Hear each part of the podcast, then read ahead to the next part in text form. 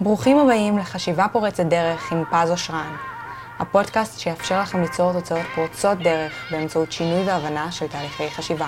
היום בתוכנית, פרק מיוחד לחיילים משוחררים. האם כדאי לעשות תואר? מה השאלות שכדאי שנשאל את עצמנו לפני שאנחנו חושבים ללכת לאקדמיה? מהם המיתוסים הנפוצים בנוגע לתואר ואיך לדעת אם זה יועיל לנו? על כל זאת ועוד, נדבר היום בתוכנית. תישארו איתנו. היי hey, חברים, מה שלומכם? ברוכים הבאים לפודקאסט חשיבה פורצת דרך. למי שלא מכיר אותי, למי שחדש, אז נעים מאוד. קוראים לי פז אושרן, אני מאסטר ומורה ל-NLP, בארצות הברית גם מאסטר בהיפנוזה. מחבר סדרת הספרים רבי המכר, איך להיות מגנט חברתי. יש לי בית ספר ל-NLP בתל אביב, קליניקה בראשון לציון, ואני מגיש לכם כאן את הפודקאסט הזה בכל יום שני ובכל הפלטפורמות. ואם אתם ותיקים, אז ברוכים השבים, אתם באמת באמת שווים, כמו שאני אוהב להגיד. כיף שאתם איתנו, תודה על השיתופים, על האהבה, לייקים, ועל זה שאתם חוזרים ומלווים אותנו באמת כבר עונה שנייה, הרבה מאוד, 30 ומשהו פרקים, הפסקתי לספור. אה, אז תודה לכם על הליווי ושחזרתם, ושאתם באמת באים, חוזרים, שווים, משתפים, שומעים, ועל כל האהבה שאתם נותנים. אז תודה. על מה אנחנו הולכים לדבר היום? למעשה היום זה הפרק הכי שנוי במחלוקת אה, שעשיתי אי פעם בפודקאסט. לכל הפודקאסט, ובעיקר לחיילים משוחררים, אבל אני חושב שגם אה, הורים ימצאו בו אה, הרבה מאוד עניין, גם אה, הרבה אנשים ימצאו בו עניין, על אף שהוא יותר מדויק לחיילים משוחררים. אנחנו נדבר על משהו שלהערכתי הוא מאוד שנוי במחלוקת, זה הנושא של תארים. כי הרבה מאוד חיילים משוחררים משתחררים מהצבא, חושבים לעצמם, מה אני אעשה עכשיו עם החיים שלי, והם חושבים שההחלטה הנכונה ביותר היא לעשות תואר. איזשהו תואר, העיקר שיהיה לך תואר. ואנחנו קצת נעבור על ההחלטה הזאת, קצת נלמד ממנה דברים. אה, מתי היא החלטה שיכולה להיות טובה, מתי היא החלטה שיכולה להיות אפילו גרועה ולהזיק. אנחנו נדבר על הדברים האלה. בכל מקרה, כל מה שאני אומר במהלך הפרק הזה, קחו בערבון מוגבל, זה הדעה האישית שלי בלבד, וכמו כל דעה, היא יכולה להיות צודקת והיא יכולה להיות נכונה, היא יכולה להיות אה, יעילה ומועילה, והיא יכולה להיות חסרת שימוש, היא יכולה להיות הכל. אה, אני באידיאל שלי זה, זה לאו דווקא להגיד לאנשים מה לעשות, אלא לפתוח לאנשים אה, כיווני חשיבה.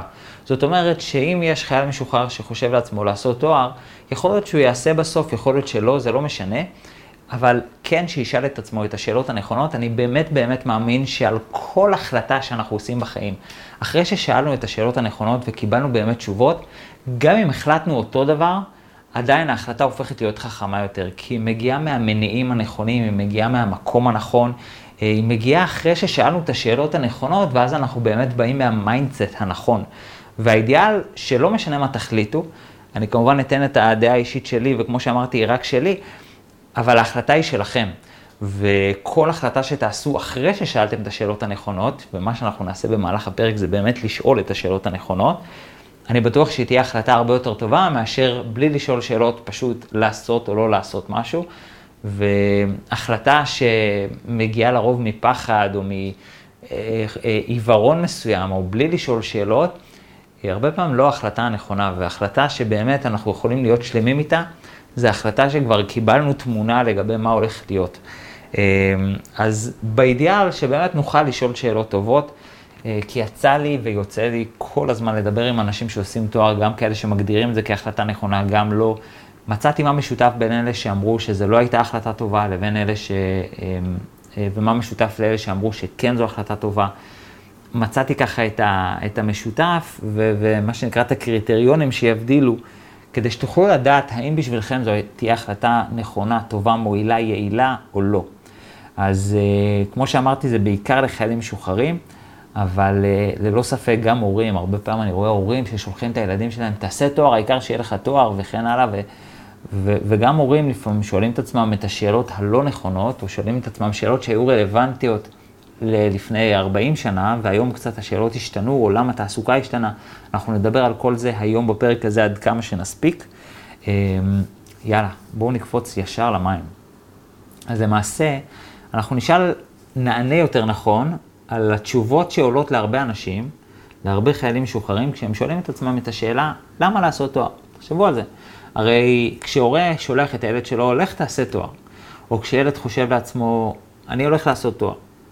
השאלה שהרבה פעמים הוא שואל את עצמו זה למה לעשות תואר, ועולות לזה כמה תשובות. ואנחנו נתייחס רגע לכל תשובה ונבין את המקום שממנו היא מגיעה. עכשיו, לגבי כל תשובה שנענה, חשוב שנבדיל בין יתרונות למטרות. מה זה אומר? יתרונות זה משהו שאנחנו יכולים לקבל, אבל לא בהכרח חיפשנו, וזה הרבה ערך, אבל לא בהכרח חיפשנו, ומטרות זה מה שחיפשנו. זאת אומרת, סתם אני אתן לכם דוגמה. מה המטרה אה, שלי כשאני נוסע באוטובוס? זה נניח לנסוע או להגיע ממקום למקום באופן זול ומהיר ונוח. סתם, נניח. אבל מה היתרונות? יכול להיות יתרונות שאני פוגש אנשים, יכול להיות יתרונות ש... אמ, לא יודע, יש יתרונות אחרים, לא בהכרח חיפשתי, זאת אומרת, אדם לא בהכרח הולך לאוטובוס כדי לפגוש אנשים, אבל זה איזשהו יתרון. ולכן כל התשובות שאנחנו נענה במהלך הפרק, אנחנו חייבים להבדיל מתי זה יתרון ומתי זה מטרה. אם זה מטרה, אז זה מצוין, אנחנו נשאל את עצמנו, האם זה משיג את המטרה או לא משיג את המטרה, כי זה הדבר המשמעותי ביותר. אם זה יתרון, אז אנחנו נשאל את עצמנו, האם זו הדרך להשיג את היתרון, או שלא. זאת אומרת, אם נגיד יתרון של תואר זה להכיר אנשים, או זה פשוט מעניין, אז השאלה היא, האם זו המטרה שלי, שיהיה לי מעניין ולהכיר אנשים, או שזה סתם יתרון. כי אם זו המטרה, אז אנחנו נחפש את הדרך היעילה ביותר לעשות את זה. אבל אם זה רק יתרון, אז אנחנו ניקח את זה בערבון מוגבל, כי בסופו של דבר, המטרה של ההחלטות שלנו זה להגשים את המטרות שלנו. זה משפט חשוב, אני ברשותכם אחזור עליו שוב. המטרה של ההחלטות שלנו זה להגשים את המטרות שלנו. זה לקדם אותנו לעבר מטרות כלשהן. ולכן אנחנו באמת נשאל את עצמנו, מה המטרות שלנו כשאנחנו עושים תואר, או מה המטרות של החייל המשוחרר הממוצע כשהוא עושה תואר, אה, ומה אנשים עונים לעצמם כשהם שואלים את עצמם, בוא נעשה תואר, למה לעשות תואר בכלל? אז יש כמה תשובות אה, נפוצות, ונעבור עליהן ככה אחת-אחת עד כמה שיותר לנו הזמן. תשובה למשל נפוצה זה כדי שיהיה, או יותר נכון כדי שזה יפתח דלתות, תשובה שנייה נפוצה זה כדי שאני אוכל אחר כך למצוא עבודה. אמ, תשובה אה, שלישית כי זה מעניין, כן, יש כל מיני תשובות אה, לגבי למה לעשות תואר, ואנחנו נעבור תשובה-תשובה וננתח אותה ונבין אותה, כדי שבאמת נוכל לעשות את הבחירה באמת מהמקום הנכון. גילוי נאות, לפני שאני נכנס לתשובות, לי אישית אין תואר, לי אישית אין בגרות. אמ, אני מודה שעל אף שגם נכנסתי למקומות, גם כשהייתי כותב נאומים בכנסת, אז שם יש איזשהו תנאי שאתה חייב שיהיה לך תואר כדי uh, לעבוד בכנסת. אמנם לא הייתי עובד מדינה בכנסת, זאת אומרת, גם כשעבדתי זה מול חשבוניות ומול המפלגות, אז לא קיבלתי תלוש מהמדינה, זאת אומרת, לא הייתי עובד מדינה, אבל עדיין בסופו של דבר מצאתי את עצמי מגיע למקומות שאפשר להגיע אליהם, או יותר נכון, הקריטריון להגיע אליהם זה רק עם תואר. אז גילוי נאות, אני אישית במסלול שלי, אני מאוד שלם איתו, בחרתי לא לעשות תואר, גם בגרות אין לי. אני חושב שלמסלול שלי זה הדבר הכי נכון, אבל אנחנו נדבר, אני לא חושב שזה נכון לכל אדם ולכל אחד, אנחנו נדבר על זה במהלך הפרק עד כמה שיותר לנו הזמן. יאללה, בואו נקפוץ למים. אז התשובה הראשונה, כשאנשים שואלים את עצמם למה לעשות תואר, היא כדי שיהיה. שיהיה, שיהיה לך תואר, זה חשוב שיהיה לך תואר וזה טוב שיהיה לך תואר, וגם הרבה אנשים נותנים, נוטים לעשות לי את ההשוואה של... את מי אתה מקבל לעבודה? אדם שיש לו תואר או אדם שאין לו תואר? וההשוואה הזאת לא נכונה, וגם התשובה הזאת היא תשובה לא טובה.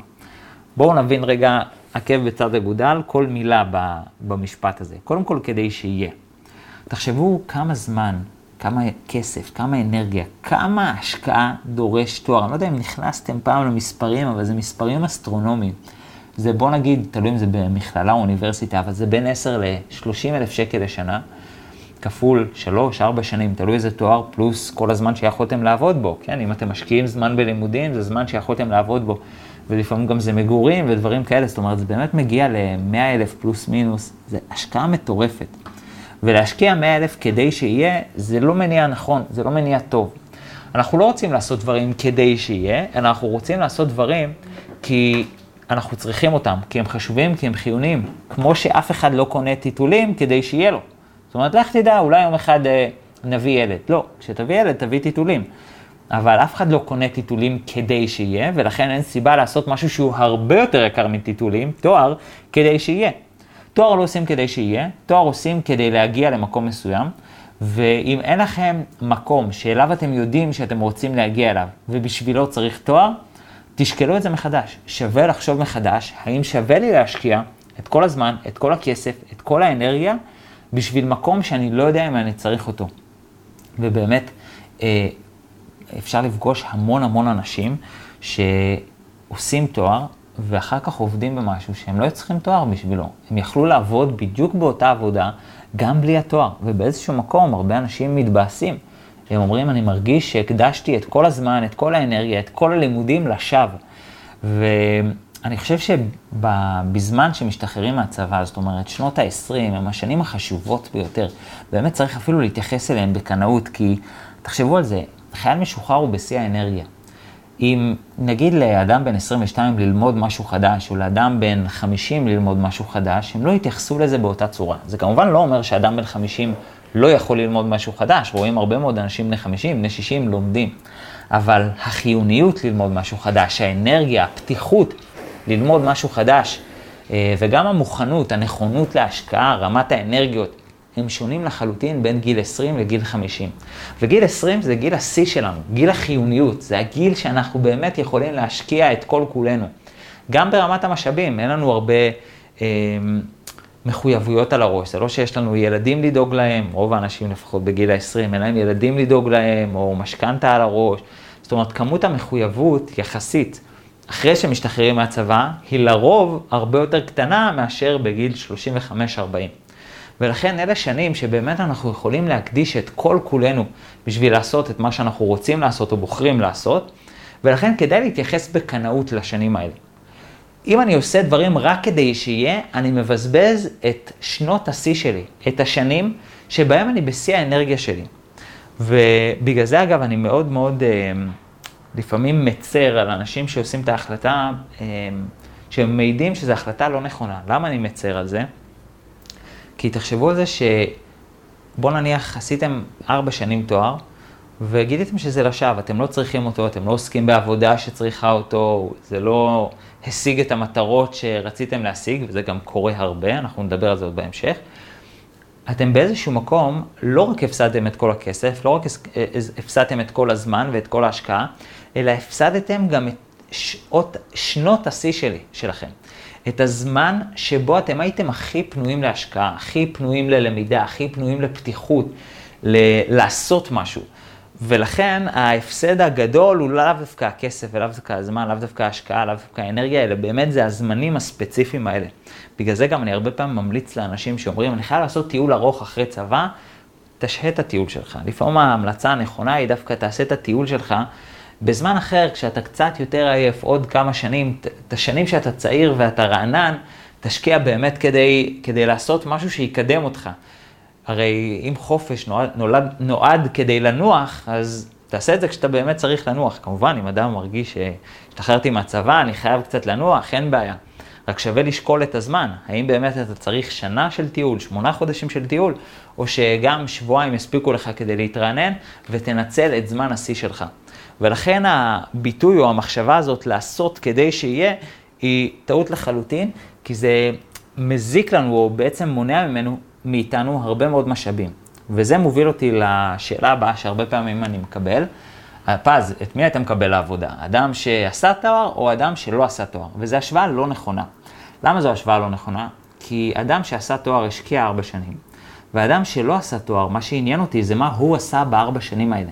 זאת אומרת, לצורך העניין, אם אני צריך מישהו שינהל לי את העסק, אני מדבר אני בתור עצמאי, יכול להיות כל מקום זה אחרת, אבל אה, אם אני צריך מישהו שינהל לי את העסק, מי אני אקח? מישהו שעשה תואר בניהול, או מישהו שניהל חברה או עסק ארבע שנים, אני אישית כפז הייתי לוקח מישהו שניהל חברה. זאת אומרת, השאלה היא לא האם יש לו תואר או אין לו תואר, אלא מה הוא עשה בארבע שנים האלה. ואני אישית כפז, אני אעדיף ניסיון, ואני חושב שרוב מקומות העבודה יעדיפו ניסיון על פני תואר או תעודה. מן הסתם, אם יש אה, לימודים, זה לא שאני נגד לימודים, חשוב שנבין, אבל אני נגד לימודים רק לצורך התעודה. אם אתה לומד רק בשביל לסמן וי ושיהיה לך תואר או תעודה, או שתוכל לסמן משהו בקורות חיים, זה באיזשהו מקום חסר חשיבות, או לפחות הערך שלו הרבה יותר קטן מאשר הניסיון שלך. זאת אומרת, הרבה מקומות העבודה, אם הם צריכים לבחור מישהו עם תואר בלי ניסיון, או מישהו עם ניסיון בלי תואר, ייקחו את זה עם הניסיון בלי התואר. שוב, כמובן, רוב המקומות, אני לא מדבר על מקומות שבהם התואר הוא המקצוע, כמו למשל עריכת דין, כמו למשל אה, ראיית חשבון, כמו למשל רפואה, כן? אלה מקצועות שהתואר הוא המקצוע, הוא ההסמכה, אנחנו נדבר על זה בהמשך. אבל בוא נגיד, רוב המקצועות, אם אני צריך לבחור תואר רק בשביל להגיד יש לי תואר, לעומת ניסיון, ללא ספק ניסיון היום לוקח בשוק העבודה. ולכן ההשוואה היא לא להשוות מישהו שיש לו תואר מול מישהו שאין לו תואר, אלא מישהו שבארבע שנים האלה עשה תואר, או מישהו שבארבע שנים האלה צבר ניסיון במשהו כזה או, אחר. ניסיון זה באמת משהו שהוא, אנשים ממש undervalued, הם אה, ממעיטים בערך של, של ניסיון. גם היום אגב, אה, שהמדינה מחלקת אה, כל מיני דמי אבטלה עד יוני, אתם יכולים להישאר בבית ו... לשבת ו- ותקבלו על זה כסף עד יוני, אני באיזשהו מקום נגד הדבר הזה. עדיף לך אפילו לקבל אותו כסף וללכת לעבוד, מאשר לשבת בבית ו- ולקבל את הכסף. למה? כי כשאתה הולך לעבוד, אתה מרוויח שני דברים. אחד, חשוב מאוד ניסיון. זאת אומרת, זה לא שנה שהלכה לך לפח, אלא זה שנה שהפכת להיות טוב במשהו, פיתחת יכולות כלשהן. ולא מעניין אותי איזה יכולות. מן הסתם, אני לא מדבר על עבודה שלא נותנת לנו משהו. יש, אה, יש עבודות שאנשים יכולים להגיד, זה לא נותן לי משהו, כמו למשל שמירה. יש, עבוד, אגב, עבודה כמו שמירה, יש אנשים שמפיקים ממנה המון. זאת אומרת, אם אתה לומד בזמן הזה כשאתה שומר, זה מצוין. אבל יש עבודות שהן באמת יכולות לתת לנו המון ערך, אנחנו מבטאים את היכולות שלנו. אם אתה הולך לעבוד בניהול, אתה הולך לעבוד ב... לא יודע, כל אחד והכישורים שהוא, שהוא אוהב לעשות. אם אדם אה, מצייר, לך תצייר על קירות בבתים, תעשה את זה אפילו באותו שכר או משהו כזה, כמו הדמי אבטלה. תעשה את זה אפילו תיאורטית בהתנדבות ותחיה מהדמי אבטלה, אבל תצבור ניסיון במה שאתה אוהב לעשות. זה שווה הרבה יותר מכסף. ואם אני צריך לדרג את זה, אז ברמת הערכים, זה ערך מספר 1, 2, זה בין הערכים הגבוהים, ללא ספק. לכן, לא עושים תואר כדי שיהיה, ולא משווים מה אתה מעדיף אדם עם תואר או בלי תואר, אלא מה אתה מעדיף אדם שהשקיע את הארבע שנים האלה, איפה. ואם אני צריך לבחור, אני לוקח אדם שהשקיע את הארבע שנים האלה בלצבור ניסיון, לצבור ידע, ידע חשוב, כי לא בהכרח אה, תואר אומר שיש לאדם ידע. רואים הרבה פעמים אנשים שהולכים ללמוד מנהל עסקים והם לא ניהלו עסק בחיים, גם המרצים אף פעם לא, לא אה, ניהלו עסק בחיים שלהם. אה, אנשים שהלכו ללמוד כלכלה לא סוגרים את החודש, זאת אומרת, לא תמיד מה שאתה לומד זה מה שאתה יודע לעשות. אז אני קצת מבדיל בין השתיים, לכן יש הבדל בין לימודים שהם לימודי תעודה, ולבין לימודים שהם באמת נותנים לך לדעת לעשות משהו, הם נותנים, נותנים לך איזושהי מיומנות, איזושהי יכולת, וזה משהו שהוא ברמת סדר עדיפות מאוד מאוד גבוהה. עוד דבר נוסף, אנשים, אני שואל אנשים למה אתה הולך לעשות תואר, תשובה נוספת שעולה, זה כדי שאני אוכל למצוא עבודה. וחשוב שנבין את הדבר הזה, אני הולך רגע לנפץ איזה מיתוס חשוב, אבל מטרת האקדמיה היא לא שתמצאו עבודה. מטרת האקדמיה היא לקדם מחקר. בגלל זה, למשל באוניברסיטאות אין שיעורים באיך למצוא עבודה, אין שיעורים ב... רוב העבודות הם סביב, רוב הלימודים אפילו הם סביב מחקר. למה? כי זה מטרת האקדמיה, האקדמיה בסופו של דבר מתוגמלת לפי מחקרים, ומטרת האקדמיה בקיצור היא לקדם מחקר, זה המטרה של אקדמיה. מכללות זה קצת שונה כי הם עסק יותר פרטי, אז יש להם איזשהו אינטרס, אבל עדיין ברמה האקדמית, כשאדם שואל את עצמו מה זה אקדמיה, המטרה של אקדמיה היא לקדם מחקר. המטרה של אקדמיה זה לא בהכרח ש, שתצא עם מקצוע. ו, ולכן, כשאדם אומר, אני רוצה ללכת לעשות תואר כדי שאני אוכל למצוא עבודה, השאלה היא, האם אתה יודע איזה מקום עבודה אתה יכול למצוא באמצעות התואר? וכשאדם אומר את הדבר הזה, אני ממליץ לו לעשות משהו כזה. למצוא מישהו שעשה תואר, ולעבור איתו את התהליך, מה הוא צריך לעבור כדי למצוא תואר, ובסוף, במה הוא מצא תואר. במה הוא מצא עבודה. זאת אומרת, נניח אני רוצה לעשות אה, תואר במנהל עסקים, או תואר בכלכלה. אני חושב לעשות את התואר הזה, כי אני אומר, בזכות זה אני אמצא עבודה. אני אמצא מישהו שכבר עשה את התואר הזה, ואני אתלווה אליו לתהליך חיפוש העבודה. אני אפילו אגיד לו, בוא תן לי לשלוח קורות חיים אליך, ויחזרו אליי, לא אליך. ואז מתוך הדבר הזה, אני אוכל להבין כמה קל או קשה למצוא עבודה בזכות התואר. זאת אומרת, כמה התואר באמת מסייע לי למצוא עבודה, והאם העבודה שאותו אדם מוצא בסוף, הוא, זה, זה באמת העבודה שהייתה חיונית לתואר. האם בסוף, אחרי שסיימתי תואר בהנדסת תעשייה וניהול, העבודה שמצאתי באמת הייתה חייבת את התואר בהנדסת תעשייה וניהול, כן או לא? אם כן, ואני רואה שבאמת קל למצוא עבודה בתחום, לך על זה. אם אני רואה שלא, אז, אז חבל על... בוא תחסוך מעצמך את כל הזמן הזה. וזה עיקרון שמשתמשים בו, אגב, הרבה מאוד בשיווק, טים פריס, שהוא לדעתי באמת גאון. אחד הדברים המדהימים שהוא עושה, כשהוא מוציא ספר, הוא הוציא כבר כמה ספרים מאוד מאוד יפים, ממליץ עליהם בחום, אחד מהם כבר המלצתי, נקרא ארבע שעות עבודה בשבוע. וכשהוא מוציא ספר, מה שהוא עושה, הוא מתחיל קודם מהשיווק, ואז הוא כותב את הספר. זאת אומרת, נניח הוא רוצה להוציא ספר, אז הוא קודם כל עושה איזושהי מודעה בפייסבוק או בגוגל, לא משנה מה, מוציא על זה תקציב של 100 דולר, ורואה כמה ביקוש יש ב-100 דולר. אם הוא רואה שב-100 דולר אנשים, יש הרבה מאוד ביקוש, מצוין, בסוף הוא מחזיר להם את הכסף, אומר, אה, הספר עדיין לא הסתיים, יש איזה עיכוב. אבל, אבל ככה זה נתן לו אינדיקציה שמתוך 100 דולר שהוא מוציא על שיווק, כמה קל לו להוציא, אה, להביא לקוחות, כמה קהל יש לדבר הזה. אם הוא רואה שיש קהל, אז הוא הולך וכותב את הספר. אם הוא רואה שאין קהל, הוא חסך לעצמו כתיבה של ספר. וזה תהליך שיווקי שלפעמים מתחילים דווקא בשיווק ולא מתחילים דווקא בבניית המוצר, וכדאי לקחת את זה גם לעולם התואר. זאת אומרת, אדם רוצה לעשות תואר, תתחיל מהשיווק, תתחיל מלראות כמה ביקוש יש לזה. דמיין שעשית כבר תואר בזה, תחפש עבודה. תראה אם קל לך, קשה לך, אם העבודה שמצאת דורשת את התואר, לא דורשת את התואר. דבר אפילו עם אנשים שעשו תואר באותו מקצוע, תשווה איתם, תראה אם באמת אה, אה, קל להם למצוא עבודה, אם הם עובדים במשהו שקשור לתואר, כן או לא. אה, אז חשוב לברר, לדעת את הדברים האלה. אני כן יכול להגיד לכם ש... יש פער מאוד מאוד גדול בין מה אנשים שחושבים שקורה בשטח, לבין מה באמת קורה בשטח.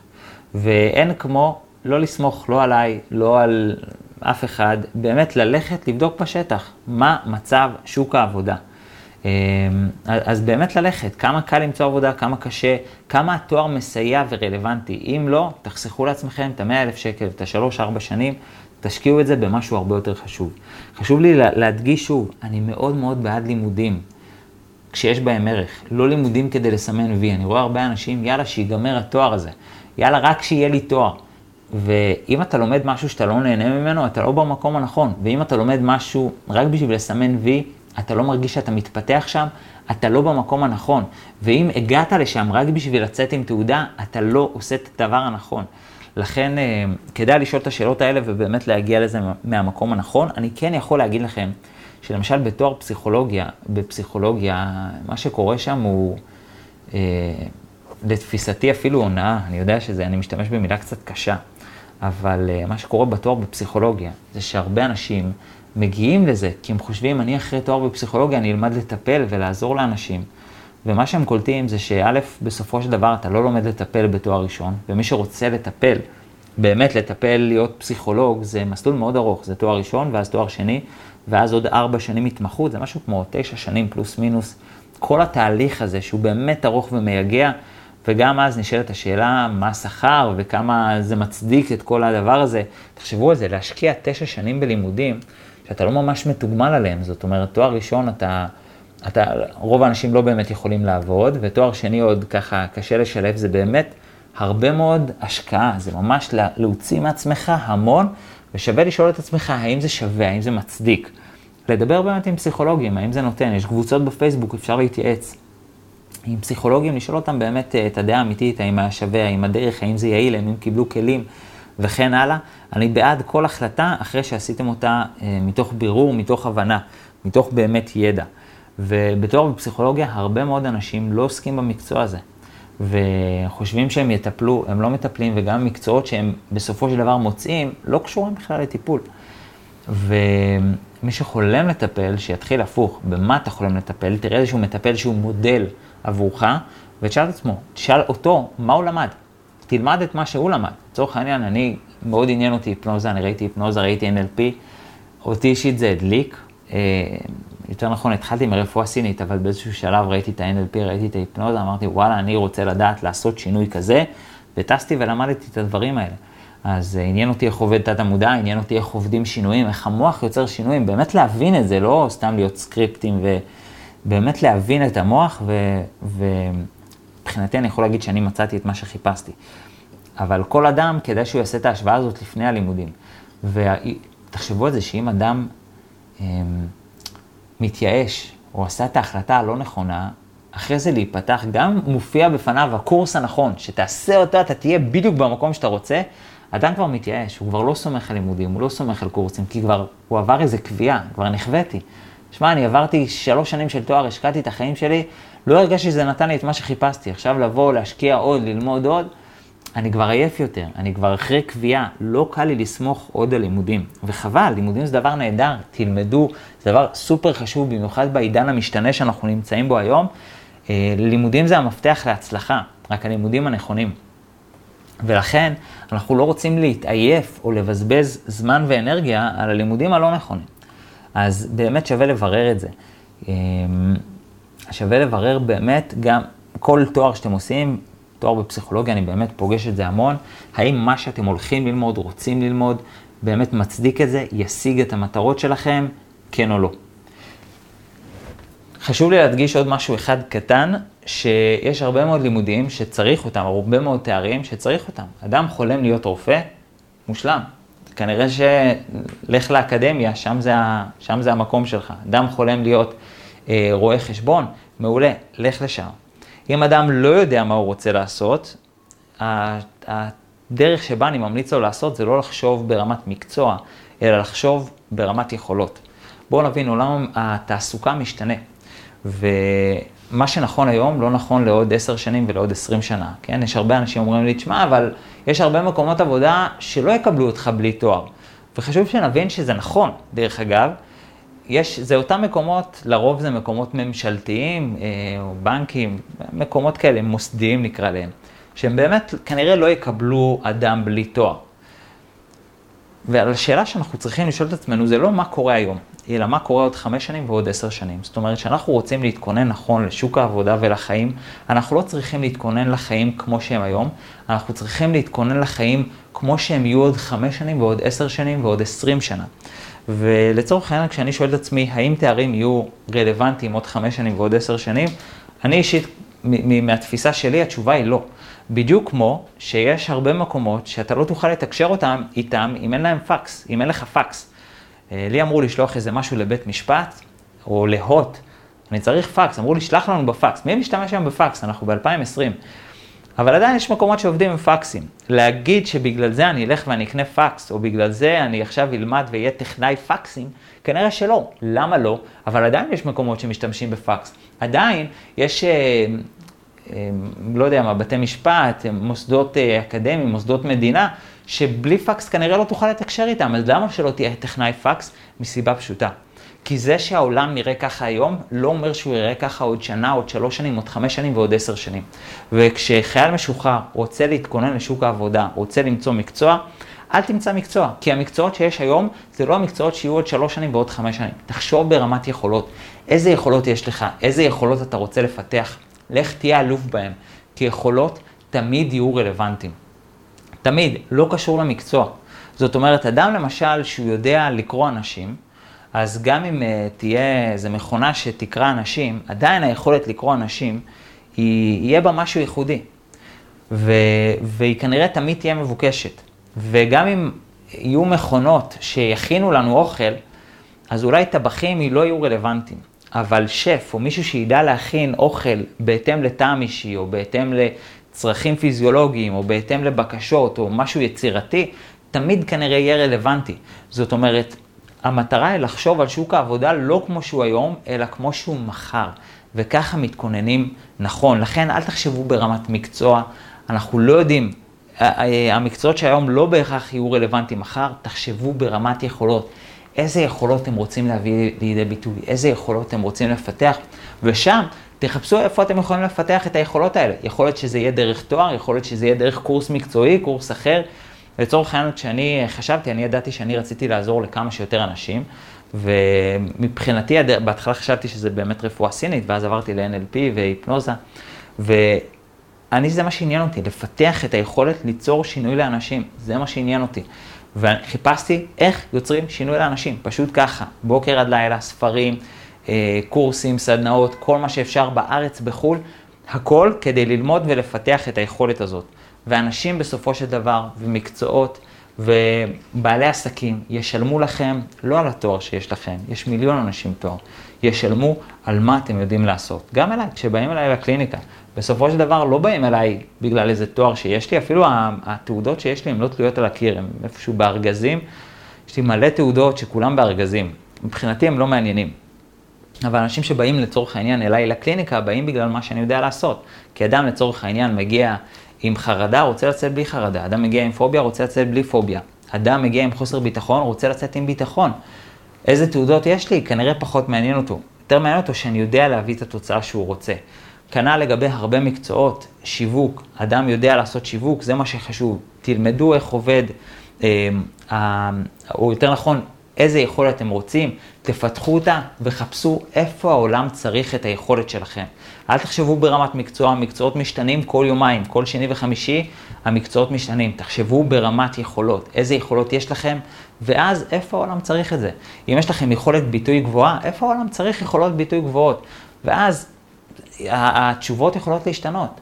יכול להיות שהיכולת ביטוי גבוהה יכולה להיות בתור מורה, אולי להעביר פודקאסט, אולי ל- ללמד מישהו, אולי אה, לכתוב איזשהו ספר, אולי להיות אה, כתב בחדשות, לא יודע מה, אבל אם יש לי יכולת ביטוי גבוהה, איפה העולם צריך את היכולת שלי? וככה חושבים על מקצוע במאה ה-21.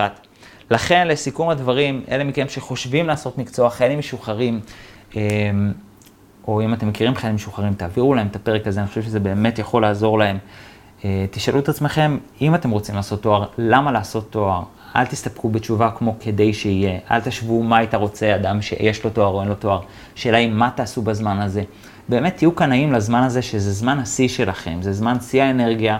אתם יותר פנויים מחשבתית, יותר פנויים רגשית, אה, אין הרבה מחויבות על הראש. תנצלו את הזמן הזה כדי להשתמש בו בחוכמה, כי החלטה לא נכונה היא לא, טוב, שטויות, אז בזבזתי ארבע שנים. החלטה לא נכונה עלולה אפילו להזיק על ידי זה שהיא תייאש אתכם מלפתוח את הדלת הנכונה. כי כבר התייאשתי, כבר אני אפתח את הדלת הבאה, גם אם היא הדלת הנכונה. אני אפתח אותה בספק, אני אהיה עייף יותר לפתוח אותה. ולכן כדאי לא לעשות את זה. תבררו על המקצוע שאתם רוצים לעשות בו תואר, תראו כמה ביקוש יש לו, תתחילו מלברר את הביקוש, תתחילו מלהכיר בוגרים, תגדירו מטרות, מה אתם רוצים מתוך אותם לימודים, ואז לפי זה תחליטו האם אתם עושים תואר או לא עושים תואר, ואני שוב מדגיש, אני מאוד מאוד בעד לימודים. כמובן לימודים שהם תורמים, ואם יש לימודים שאני חושב שהם הלימודים הכי הכי הכי תורמים, ששווה לכל אדם לעשות אותם, זה לימודים ש... יפתחו אתכם ברמת האנשים, יפתחו לכם את יכולת קבלת ההחלטות, יכולת ליצור שינויים, אה, יכולת לנטוורקינג, לקשרים אישיים, ביטחון עצמי, זאת אומרת, אלה דברים שהם תמיד כנראה יהיו רלוונטיים, והם תמיד יהיו המפתח להצלחה, ותפתחו את הדברים האלה בכל דרך אפשרית, לקחת בזה קורסים, או לקחת בזה ספרים, או, או לשמוע פודקאסטים בנושא הזה, זה תמיד יהיה רלוונטי ותמיד יהיה טוב. מי מכם, אני חוזר ואומר ככה משהו שאמרתי אותו בכמה פרקים, אבל אני באמת באמת מאמין בו. אנשים שרוצים לתת בוסט לחיים שלכם, ממליץ בחום על הקורס המטורף שלנו, שייתן לכם את כל הכלים הכי מטורפים לחיים, אה, שבאמת איתם תוכלו לקבל החלטות ברמה נכונה יותר, תוכלו לקבל כלים לגבי ראייה טובה יותר, לעשות, כשעושים החלטות טובות אין מה לעשות, אנחנו גם עם הרבה יותר אנרגיה, הרבה יותר מוטיבציה, להניע את עצמכם, להבין מה אנחנו רוצים. כל הדברים האלה, אנחנו אה, באמת נכנסים לזה ברמת עומק מאוד מאוד גבוהה בקורסים, אז מי שזה מעניין אותו, צרו איתנו קשר, יש לנו קורס באמת באמת מטורף. זו הזדמנות להודות לכם שהייתם איתנו וליוויתם אותנו. אמ, אל תשלחו לנו עוד שאלות בקשר לפרק סיום העונה, שיהיה שבוע הבא, אנחנו כבר מלאים בשאלות.